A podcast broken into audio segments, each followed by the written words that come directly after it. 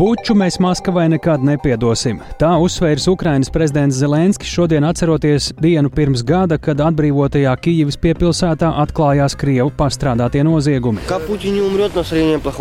Kamēr Putins nenomirs, noskaņojums ir slikts. Radījumā pēcpusdiena jau pēc brīža plašāks stāsts no Bučas. Briselē panākta politiska vienošanās par atjaunojamo energoresursu izmantošanas palielināšanu tuvāko septiņu gadu laikā. Sazināsimies ar Briseli un skaidrosim, cik ambiciozi ir jaunie mērķi un kāpēc vides aktīvisti pret to šoreiz izturs ārkārtīgi kritiski. Un arvien bažīgāki par ūdens līmeņa celšanos Daugavā ir tās piekrastes iedzīvotāji Latgalē. Augstdaugavas pašvaldībā jau lūgusi izsludināt ārkārtējo situāciju. Skaidrosim notiekošo uz vietas un arī hidrologa prognozes nedēļas nogalē. Jau pavisam drīz ziņu raidījumā pēcpusdiena kopā ar mani Tāli Eipuru.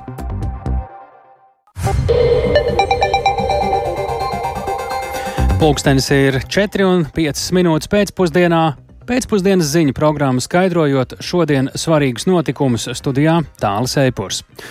Ukraina nekad nepiedos Maskavai par Kīivas piepilsētas bučas okupāciju un tur pastrādātajiem kara noziegumiem un civiliedzīvotāju slepkavībām. Tā šodien paziņojas Ukrainas prezidents Volodimirs Zelenskis. Šodien aprit gads, kopš Krievijas karaspēks atkāpās no Kīivas piepilsētas bučas un gaismā nāca okupācijas periodā pastrādātās zvērības. Zelenskis arī paudis, ka bučas slaktiņš kļuvis par Krievijas karaspēka pastrādāto zvērību simbolu un solījis sodīt katru noziedznieku. Ми не дамо забути людська порядність. Mēs neļausim aizmirst. Cilvēciskā pieklājība neļaus aizmirst. Bučas ielās pasaule redzēja krievu ļaunumu, ļaunumu bez maskēšanās. Es redzēju, ko Kremlis cenšas ienest citās Ukrainas ielās, citās Eiropas un pasaules ielās, kuras būtu varējuši sagrābt krievu okupanti, ja nebūtu jūs, ja nebūtu mēs, ja nebūtu Ukraiņi. Jakbim, ne Ukraiņi. Lūk, par to, kā šodien Bučā piemin notikušo, mēs esam sazinājušies ar Latvijas radio korespondenti Ukrainā Indru Sprānci. Sveika, tu šodien arī biji Bučā. Kāds tur šodien ir noskaņojums? Jā, labdien! Šodien pieminot šo te gadskārtu Kopš Krievijas karaspēka aiziešanas no Kīivas pievārds visas dienas garumā Bučai ir pievērsta ļoti liela uzmanība. Gan Ukrainas vietējie mēdīji šodien savus studijas ir pārcēluši uz Buču, gan arī uz turienu dodas vietējās amatpersonas. Un arī vakarā ir paredzēta tāda kā gaismas akcija ar svecītēm pieminot nogalinātos. Jo, nu, protams, tas, kas notika tur pirms gada, nekad netiks aizmirsts. Un, un atgādināšu, ka 31. martā pēc Krievijas karaspēka karaspēka atkāpšanās no Bučas te atklājās patiešām prātām neaptverams ainas ar civiliedzīvotāju līķiem, ielās, māju pagalmos, pagrabos, masu bedrē, kur bija vairāk nekā 170 cilvēku vienkārši aprakti. Nogalināti jauni, veci, bērni, sievietes un vīrieši, nogalināti cilvēki ar sasietām rokām aiz muguras tāda aina pavērās šajā teritorijā, kura uh, bija nedaudz vairāk kā mēnesi atradās eh, Krievijas karaspēka pakļautībā. Un no Ukrainas eh, ģenerāla prokuratūras šodien publiski apkopoja pēdējos datus par to, ka Bučas eh, rajonā no pērnā gada 27. februāra līdz 31. martam apzināti kopumā 9000 kara noziegumu. Tās ir slepkavības, spīdzināšanas, izvarošanas, marodierisms un citi.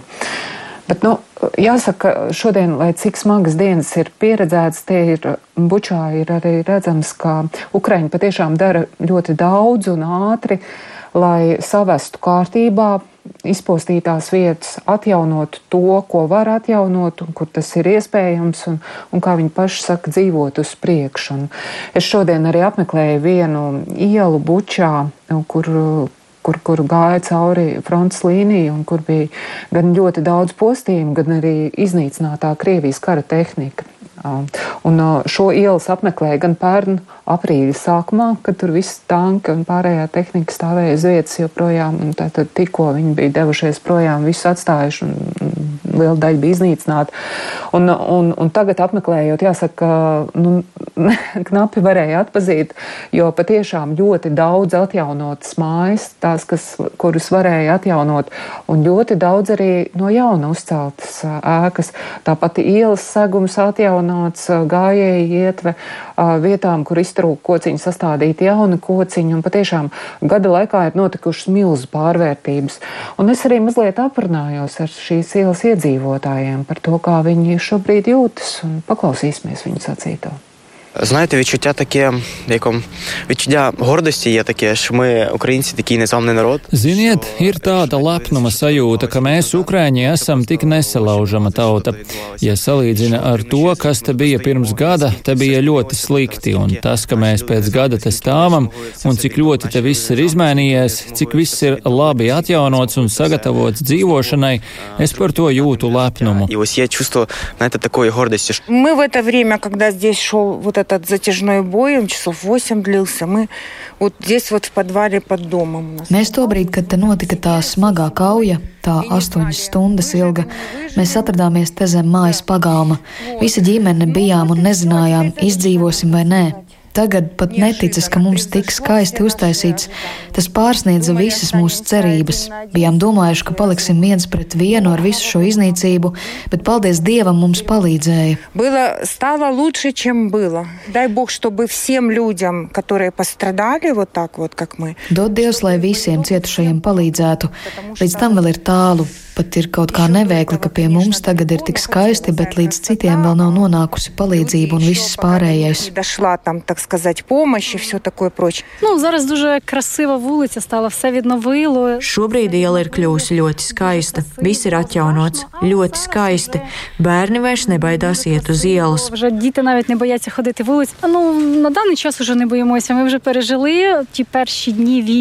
Tagad jau vairs nebaidāmies. Kara pirmās dienas esam pārdzīvojuši piedzīvojuši, daudz ko esam redzējuši, visus tos tankus bija ļoti bail, bet uz šo brīdi bailes vairs nav. Mēs vienkārši turpinām dzīvot. Nu, Kā Puķiņš umrot, no slēņiem plahoja? Kamēr Putins nenomirs, noskaņojums ir slikts. Nu jā, un te jāpiebilst, ka atjaunošana, celšana, būvēšana šajā ielā turpinās, un arī citviet bučā šie visi darbi turpinās un notiek pilnā sparā.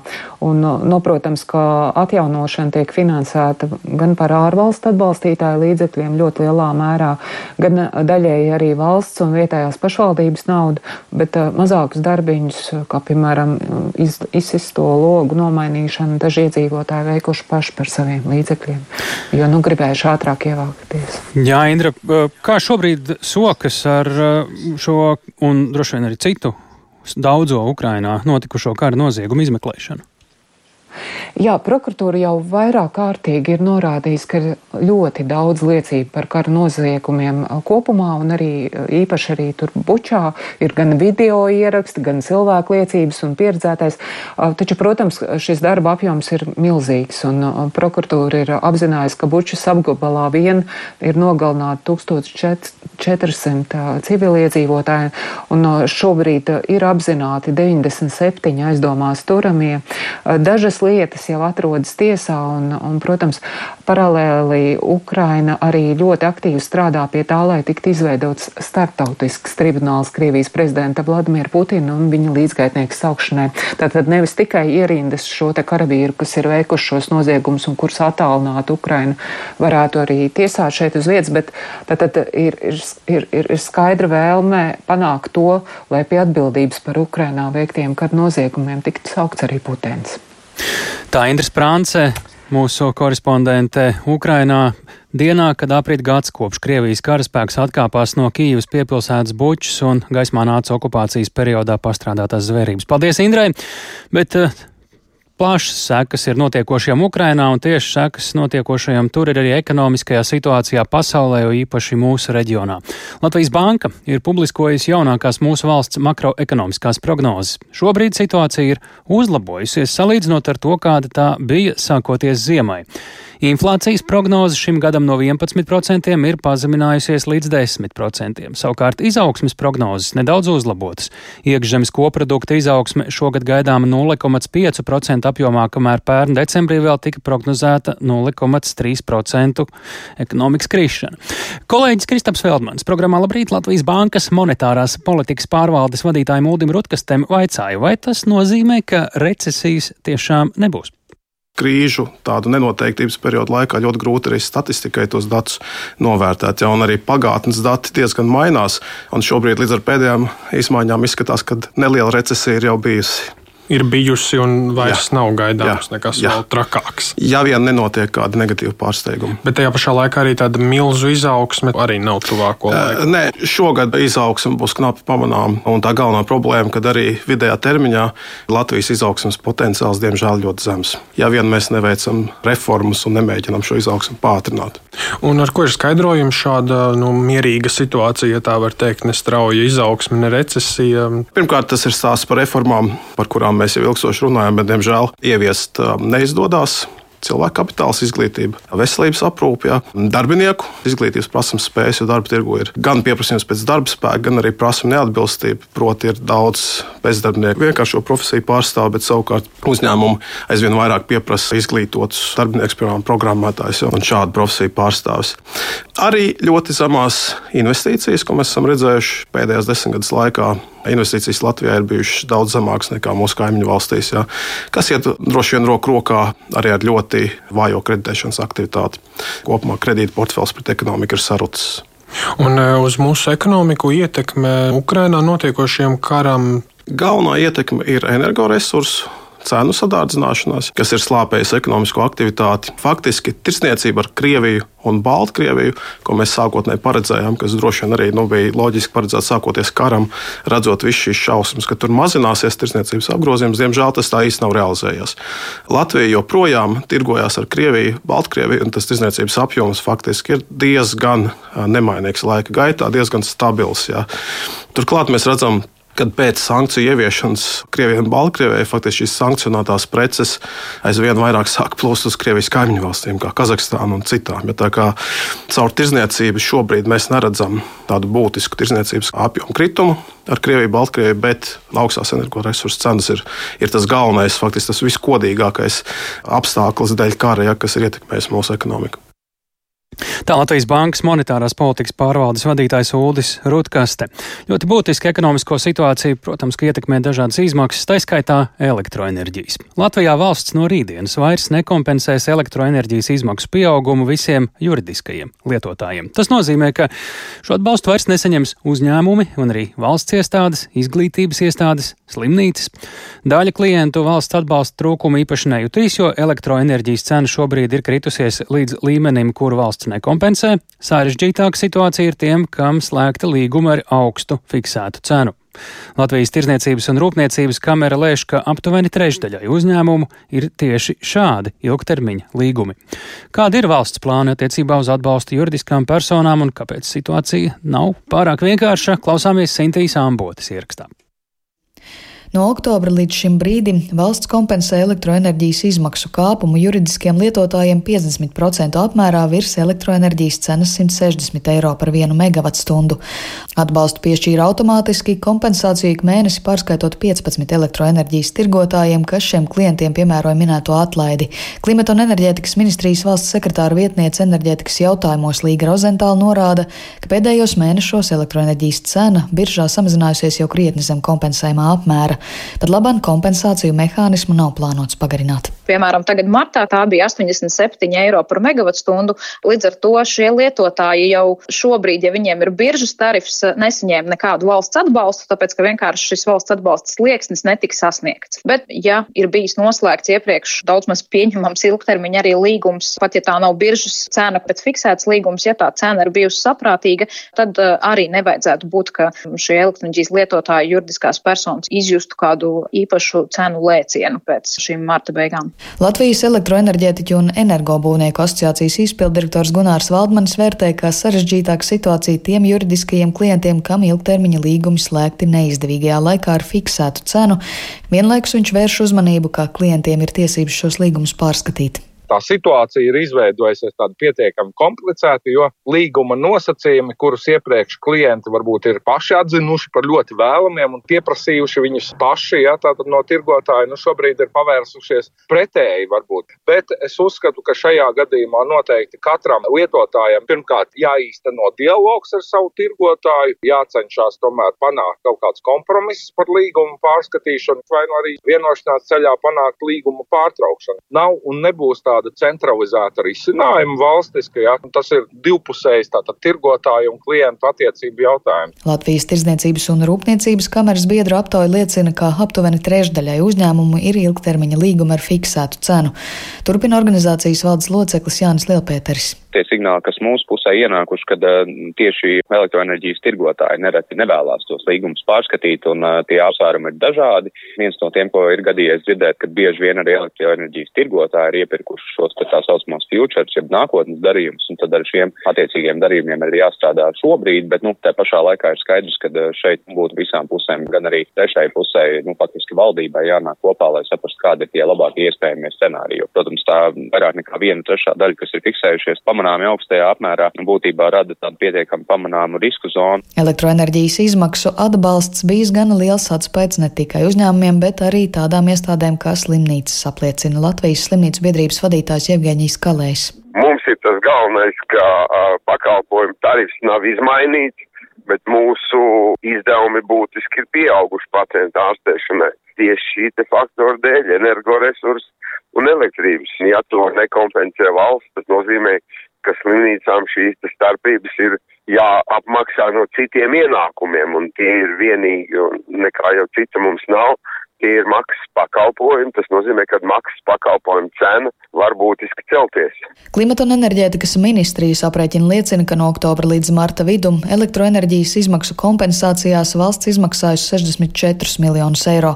No tiem šī gada sākumā izmaksāti 40 miljoni, kas nozīmē, ka vēl ir gana daudz to juridisko klientu, kas pat laban maksā augstāku cenu par vairumtirdzniecībā esošo.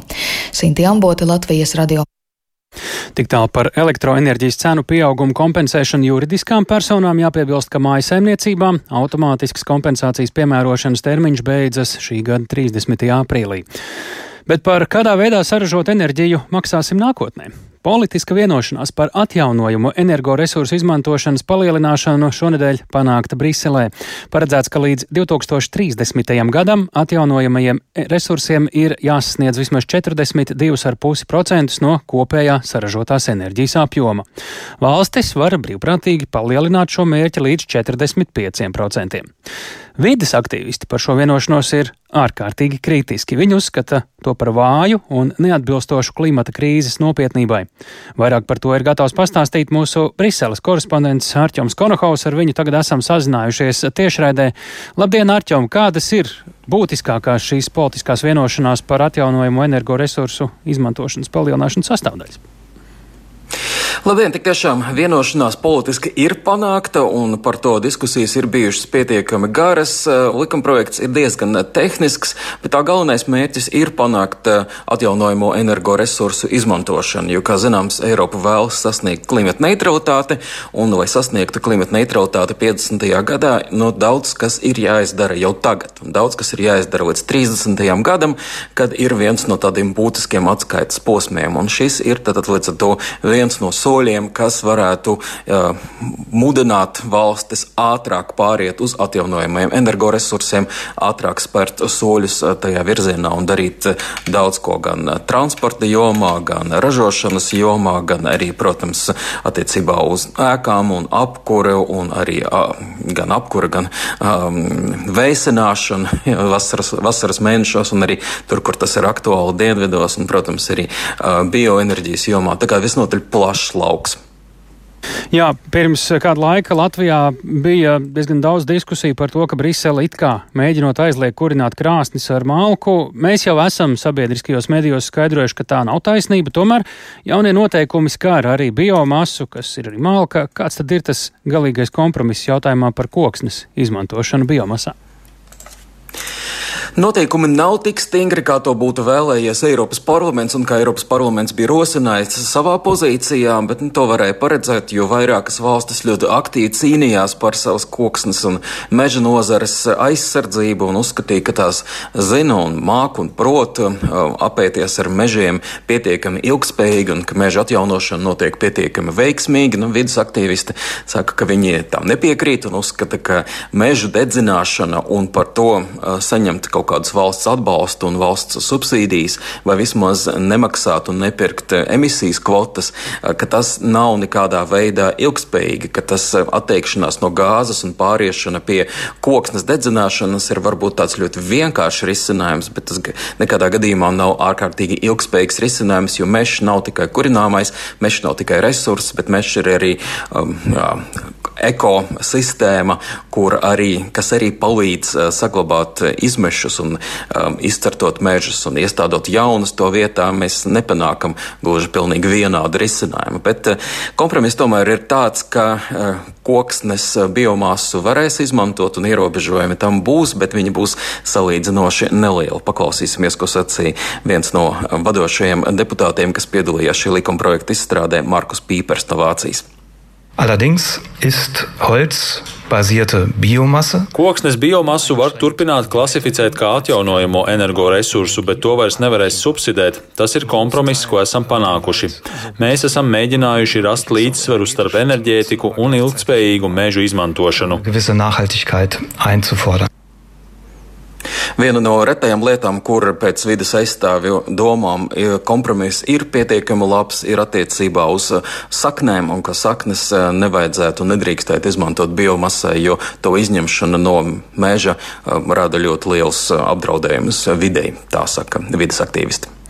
Nu, šī ir tikai politiska vienošanās. Droši vien, ka ir jāpieņem juridiski saistoši lēmumi. Kas tālāk notiek?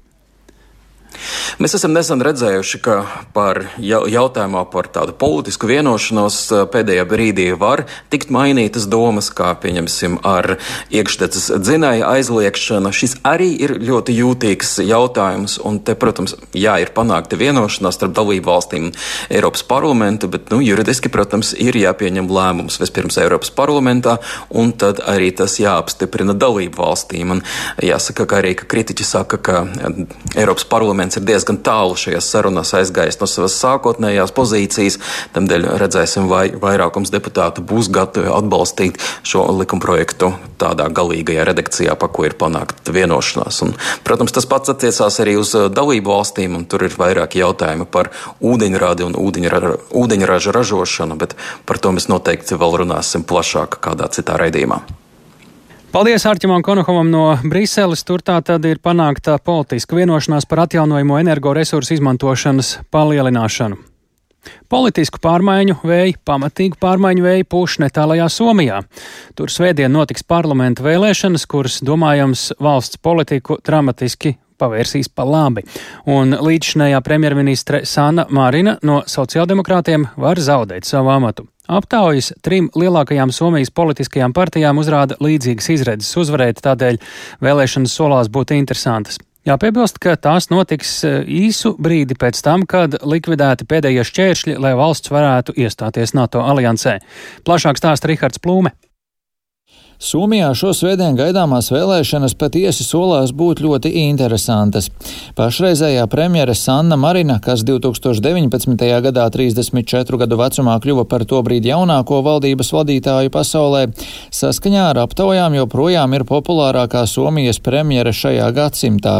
Viņa arī nereti izpelnījusies plašu uzmanību citviet pasaulē par savu jauneklīgo, varbūt reizēm vieglprātīgo izturēšanos.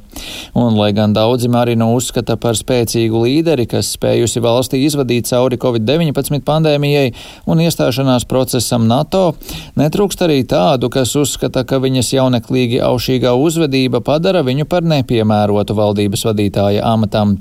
Tas acīm redzot atspoguļosies arī vēlēšanās, jo ceturtdien publicētie aptauju rezultāti liecina, ka viņas pārstāvētā sociāldemokrātiskā partija ir tikai trešajā vietā. Pašlaik tā atpaliek no konservatīvās nacionālās koalīcijas partijas, kas vismaz pagaidām vēl atrodas opozīcijā. Šī partija priekšvēlēšanu kampaņā galveno vērību pievērsusi ekonomikas jautājumiem, apsūdzot valdību bezatbildīgā valsts parāda palielināšanā.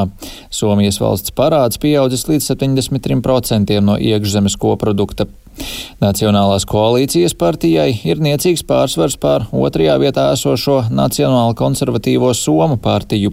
Šī var būt pirmā reize, kad šī partija vēlēšanās gūst uzvaru un izcīna iespēju premjera amatam izvirzīt savu pārstāvi.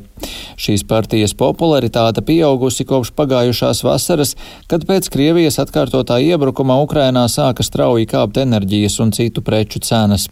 Eiroskeptiski noskaņotā partija iestājas par imigrāciju imigrācijas ierobežošanu, norādot uz kaimiņos esošās Zviedrijas problēmām, tostarp bandu vardarbību, kurā vainojami imigranti.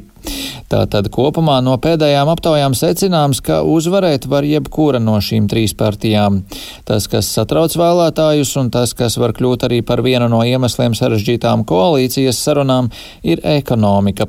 Turpina laikraksta Helsinki Sanomāts žurnāliste Vera Lūma Āho. I would say that in these elections voters care about their own wallet. Es teiktu, ka šajās vēlēšanās tas, kas vēlētājus satrauc, ir viņu maciņi. Šīs vēlēšanas ir bijušas par ekonomiku, par pašu vēlētāju naudu un maciņiem, bet arī par valsts naudu, valsts parādu un enerģētikas politiku. Interesanti, ka diskusijas pirms vēlēšanām pārsvarā ir bijušas diezgan tradicionālas par ekonomikas lietām. Uh, Pēdējo aptauju rezultāti pirms vēlēšanām liecina par to, ka nākamā koalīcija Somijā varētu būt krietni citādāka un labējāka, jo šobrīd premjere Marina vada koalīciju, kuru līdz ar viņas pārstāvētajiem sociāldemokrātiem veido Centra partija, Zaļie, Kreisā alianse un Zviedru tautas partija.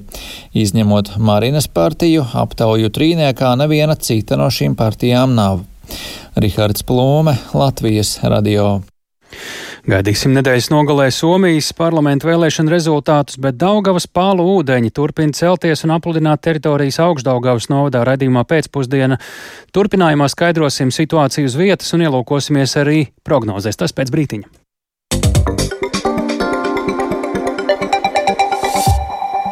Ir beigusies grūvēšu pārmeklēšana pēc piecstāvu ēkas sagrūšanas vakar Rīgā sateklas ielā. Četri cilvēki no kaimiņu ēkas izteikuši nepieciešamību pēc pagaidu mitekļa. Tagad Būvniecības valsts kontrolas birojas izvērtē situāciju ar sagruvušo ēku. Savukārt būvdarbu uzņēmums apgalvo, ka būvlaukumā darbi veikti stingrā saskaņā ar projektu. Plašāk Agnijas Lāsdiņas ierakstā. Rīgas centrā ceturtdien būvlaukumā sagruva neapdzīvota piecstāvu ēka. Negadījumā cilvēki nav cietuši, taču drošības apsvērumu dēļ no divām blakus ēkām evakuēti deviņi cilvēki. Vienai no blakus mājām uz kāpņu telpas ir uzkritušas brūkošās ēkas daļas, tāpēc pagaidām aizliegta ēkas daļas eksploatācija. Šobrīd novērtē tās tehnisko stāvokli un ir informēts arī nama pārvaldnieks, lai noskaidrotu, kad un vai cilvēki varēs atgriezties savās mājās. Turpina Rīgas domas pārstāvis Gins Reinsons esošā ēka ir skārusi vienu no kāpņu telpām, kura ved uz otro stāvu. Ēka ir trīs stāvu, un šobrīd nokļūšana otrajā stāvā fiziski nav iespējama dotajā mirklī, kamēr nu, netiks atrast risinājums, kā kāds pagaidu treps izveidots vai kaut kas tam līdzīgs. Tiek gaidīts tehniskā apsekojuma akts, tad uh, redzēsim, vai varam jau atļaut uh, atgriezties pirmajā stāvā dzīvošajiem, kā arī trešajā stāvā dzīvojušiem, kur var pa attiecīgo kāpņu telpu nokļūt uz savu stāvu. Reinsons stāsta, ka no deviņiem evakuētajiem cilvēkiem pieci atteicās no tālākas izmitināšanas, bet četri uzturēsies pašvaldības pagaidu miteklī līdz piecām dienām. Evakuētajiem iedzīvotājiem, kuri nedrīkstēs atgriezties savās dzīvesvietās, ir tiesības saņemt krīzes pabalstu līdz 620 eiro vienam cilvēkam vai līdz 1240 eiro ģimenei. Būvniecības kontroli ēkai veids Būvniecības valsts kontrolas birojas, kā stāsta Būvniecības valsts kontrolas biroja direktore Svetlana Mjakuškina, sabrukusī ēka nonākusi biroja uzraudzībā esošo objektu sarakstā pirms viena mēneša, taču pārbauda vēl netika veikta. Šobrīd, sadarbojoties ar certificēšanas institūcijām, sabrukušās ēkas izvērtēšanas darbus veiks trīs virzienos. Turpinam Jakuškina. Pirmais ir virziens saistīts ar būves tehnisko apsakošanu pirms projektēšanas, vai tehniskā apsakošana bija pietiekamā attiecībā uz apjomu un kvalitāti. Tad otrs jautājums ir saistīts ar būvprojektu, jāizvērtē būvprojekta atbilstību. Un trešais posms, kas ir saistīts ar veiktiem darbiem, proti darbu veikšanas projektā atbilstību būvprojektam. Būvlaukumā, kur sabruka ēka, notiek nekustamā īpašuma attīstītāja Linstone Baltica plānotā satekles biznesa centra būvdarbi. Būvdarbu ģenerāla uzņēmējs ir Sija Bukateks. Kā stāsta Sija Bukateks valdes priekšsēdētājs Aivars Kronbergs, būvniecības darbi veikti strikti saskaņā ar projektu. Atbildes sastāvēs no trīs faktiski sadaļām. Pirmais ir, es varu apstiprināt, ka ēka ir sabrukusi. Otrais, ko es varu apstiprināt, ir tas, ka cietušo nav. Un trešais, kā darbi tika veikti strikti saskaņā ar izstrādātu un saskaņāto projektu dokumentāciju. Un ceturtais, patreiz speciālisti strādā, lai noteiktu cēloņus un iemeslus, kāpēc tas ir noticis. Valsts policija par notikušo sākusi kriminālu procesu, kurā izvērtēs iespējamos būvju celtniecības normu vai noteikumu pārkāpumus. Agnija Lazdiņa, Latvijas radio. Tagad par citu ārkārtas situāciju, šoreiz dabas radītu. Daugavas pālu ūdeņi turpina celties un apludināt teritorijas augšdaugavas novadā. Upju ūdens līmeņa straujas paaugstināšanās dēļ, jo īpaši Bebrenes, Dvietes, Kalkūnas, Līksnes, Nīcgalas, Pilskalnes, Sventes un Taboras pagastā. Augšdaugavas novada dome vakar nolēma prasīt ministru kabinetam šajos pagastos izsludināt ārkārtējo situāciju. Novada domē secina, ka strauja ūdens līmeņa paaugstināšanās apdraud cilvēku, vides un saimnieciskās darbības drošību, kā arī pašvaldības infrastruktūru. Šorīt, lai apzinātu situāciju ar plūdu apdraudējumu un dienestu gatavību rīkoties, bija sasaukt arī Daugopils sadarbības teritoriju civilās aizsardzības komisijas sēde. Savukārt pēcpusdienā ārkārtas augstdaugavas novada domas sēdē sagatavots ziņojums valdībai. Plašāk klausāmies Silvijas Smagaras ierakstā. Tik augsti Dāngavas ūdeņi, kādi tieši šobrīd augšdāngavas novadā, nav pieredzēti jau desmit gadus.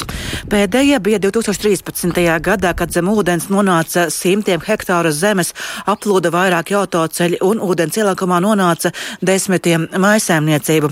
Arī šobrīd situācija vismaz astoņos novada pagastos ir līdzīga. Izsludināts oranžais brīdinājums. Tostarp līksnā apliecina pagasta pārvaldes vadītāja Birita Ozoliņa, sazvanīta tieši apsekojot teritoriju. Braucu teritoriju teritoriju, skatos, kāda plaša jūra pie mums. Visvairāk ir aplūdušas dārzkopju biedrības ļubaste, vasarnīcas. Tur praktiski nu, 90% ir zem ūdens, jā, tur gan siltums, iedzīvotāji pastāvīgo tur ir maz, ir apzināti, arī ir viens pašvaldības ceļš šobrīd slēgts, nav, nav izbraucams. Te skolas bērni šodien vēl tikuši uz skolu, bet rodas problēmas zemnieku saimniecībām. Ir mums viena saimniecība, nu, māja viņam nav aplūdusi, viņam uh, neliels ceļa posms ir tā kā pārplūds, viņi tā kā, bet, nu, paši viņi tiek tur galā laivu. Tad, kad pacelsies vairāk ūdens līmenis, tad izmantos laivu. Situācija ar ūdens līmeņa celšanos novadā tiek nemitīgi uzraudzīta, monitorēta. Pēc šodien notikušās civilās aizsardzības komisijas sēdes saka novada tehniskais direktors Valērijas Ļaksa. Mums pamatā plūst dārzkopības kooperatīvi, kurā mēs skatāmies iedzīvotājus, vai tur viņi ir, vai tur viņi nav, jā. Attiecīgi ir nepieciešama evakuācija, tāpat arī privātmājas, kuras pamatā neaplūst, bet tiek nogrieztas, tā teikt, no sauszemes. Liela daļa viņiem ir arī pārvietošanas līdzekļi kā laivas, un, un tā kā, nu, kuriem nepieciešams arī piegādājam pārtiku attiecīgi. Tāpat ir ļoti daudz pārplūdušu ceļu. Ir problēmas starp Bebreni un Vietu, ir pārplūdes valsts autoceļš. Tur, tur pirmdien domājam, kā mēs nogādāsim skolēnus no Vietas uz Bebreni. Nu, pašreiz lūdzam palīdzību zemesardzē. Laivas vai smagā tehnika.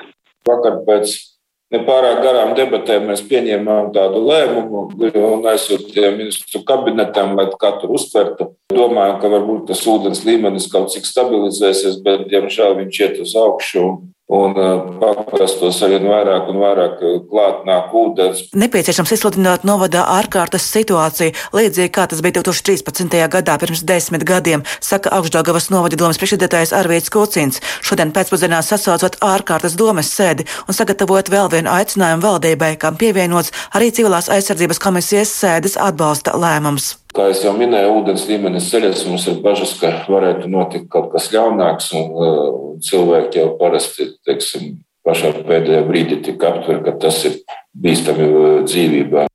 Ārkārtējās situācijas izsludināšana vajadzības gadījumā ļautu veikt iedzīvotāju piespiedu evakuāciju, īpašumu apsardzes nodrošināšanu, kā arī dotu iespēju pieprasīt valsts kompensācijas plūdu nodrītos seku likvidācijai. Pagaidām notiek saskaņota dienestu rīcība, lai nodrošinātu, piemēram, neatliekamas medicīniskās palīdzības darba plūdu pārņemtajās teritorijās, apliecina dienesta pārstāvi. Dienests ir gatavs, visas brigādes ir uz līnijas, visi strādā, bet arī man tādas bažas par tām divām stundām par laivām. Ja laivas būs šodien, tad no ļoti, ļoti labi, būsim pateicīgi.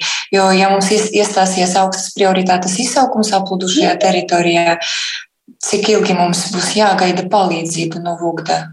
Tik ilgi nevajadzēs braukt, vienkārši tur rēģēšanas laiks diezgan ātrs būs. Problēma nebūs. Paaugstinoties ūdens līmenim var tikt traucēt elektroenerģijas un ūdens piegāde, tālkomunikācijas sakara iedzīvotājiem. Iespējams, būs nepieciešama arī evakuācija.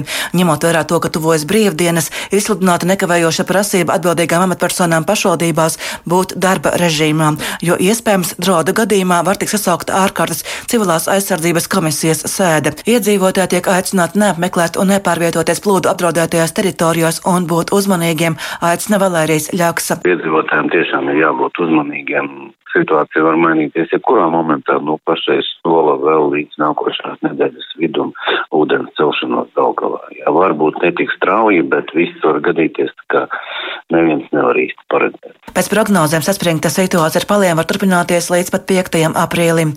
Silvijas Magre Latvijas radio studijā Latgalē. Un tūdaļ precizēsim prognozes. Tikko tātad dzirdējām par aktuālo situāciju no Daugovas augšteces par ūdens līmeņa celšanos līdz šim, lai noskaidrotu. Prognozes tuvākiem laikam pie mūsu klausos ir Latvijas vidas geoloģijas un meteoroloģijas centra hidroloģija Līga Klīns. Labdien!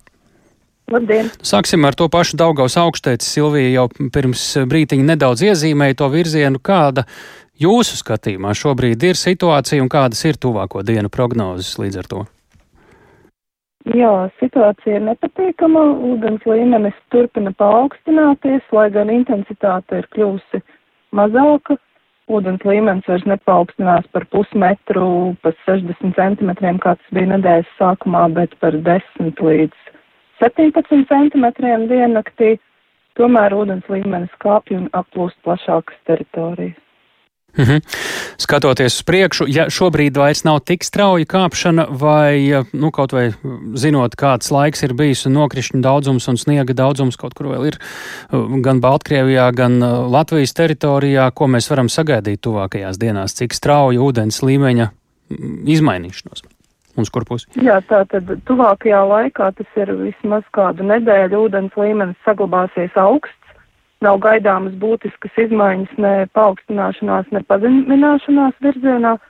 Tomēr jāatzīmē, ka atsevišķās prognozēs iezīmējas, ka uh, ap 4. un 5. aprīli varētu būt stipri nokrišņi Daugavas basēnā, un tas situāciju varētu pasliktināt. Cik būtiski atkarībā no nokrišņiem, protams, un to daudzumu, jo pagaidām tā vēl ir vairākas dienas uz priekšu prognozi. Jā, tādā, teiksim, labākā variantā ūdens līmenis būs stabils bez īpašas paaugstināšanās aptuveni nedēļu un tad sāks pazemināties, bet ja nokrišņi būs spēcīgi un tas būs lietus, nevis, uh, teiksim, tikai sniega kušana, kas šobrīd varētu turpināties, tad uh, aprīļa pirmās dekādes uh, beigās ap septīto datumu varētu atsākties neliela ūdens līmeņa kāpšana. Vēl pat kāpšana, un uh, līdz ar to, to krišanos mēs varam prognozēt uh, tikai tad, kad būs redzams vēl tālāks prognozes attiecībā uz nokrišņiem, ja? Jā, jā, jo uh, šo, šobrīd tā prognoze ir tāda, ka Daugavas uh, baseina teiksim, daļā, kas atrodas Baltkrievijā, šonadēļ ir sasniegts vēl jauns sniegs ap 20 centimetriem, un, ja kušana būs spēcīga, ja būs lietus, kas kausēs to visu, tad, tad strauji pieplūdīs ūdens. Ja nebūs lietus un vienkārši pa dienu, kad ir pozitīvas gaisa temperatūras, pakāpeniski klusīs sniegs, tad tas uh, neradīs strauju ūdens līmeņa kāpumu. Nu, diemžēl to 5. aprīli, kā jūs teicāt, lietus ir iespējams. Šobrīd, kas ar pārējo Latviju notiek, vai šeit ir jau kādas kritiskākas situācijas vai potenciāli kritiskas situācijas īsumā? Uh, Tātad, kā joprojām, tad austrumu daļā daudz viet ir aplūdušas palienas, mazākajās upēs ūdens līmenis jau ir krietni pazeminājies, tomēr Gaujā, Valmieras uh, posmā un lejpus tam tātad Valmieras Sigulda ūdens līmenis arī pakāpeniski paaugstinās, bet uh, līdzīgi kā Daugavā tā paaugstināšanās ir vien par dažiem centimetriem diennaktī.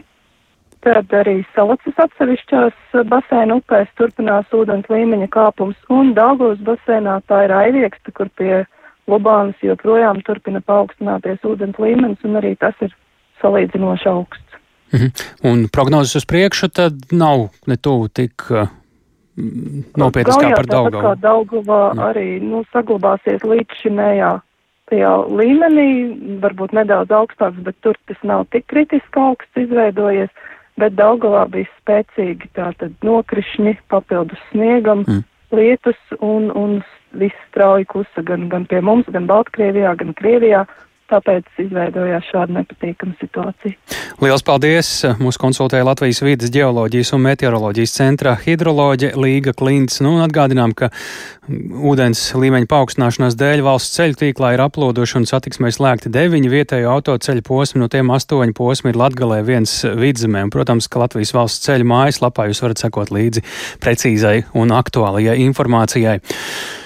Līdz ar to izskan šīs Piektdienas ziņu raidījums pēcpusdiena to veidoja Tāla Seipurs, Ilze Agīnta, arī Renārs Šteimanis un Kārlis Rašmanis. Mēs vēlam mierīgu nedēļas nogali un tiekamies atkal pirmdien, nākamajā nedēļā četras darba dienas. Radīsim, jo lieldienas priekšā. Yeah.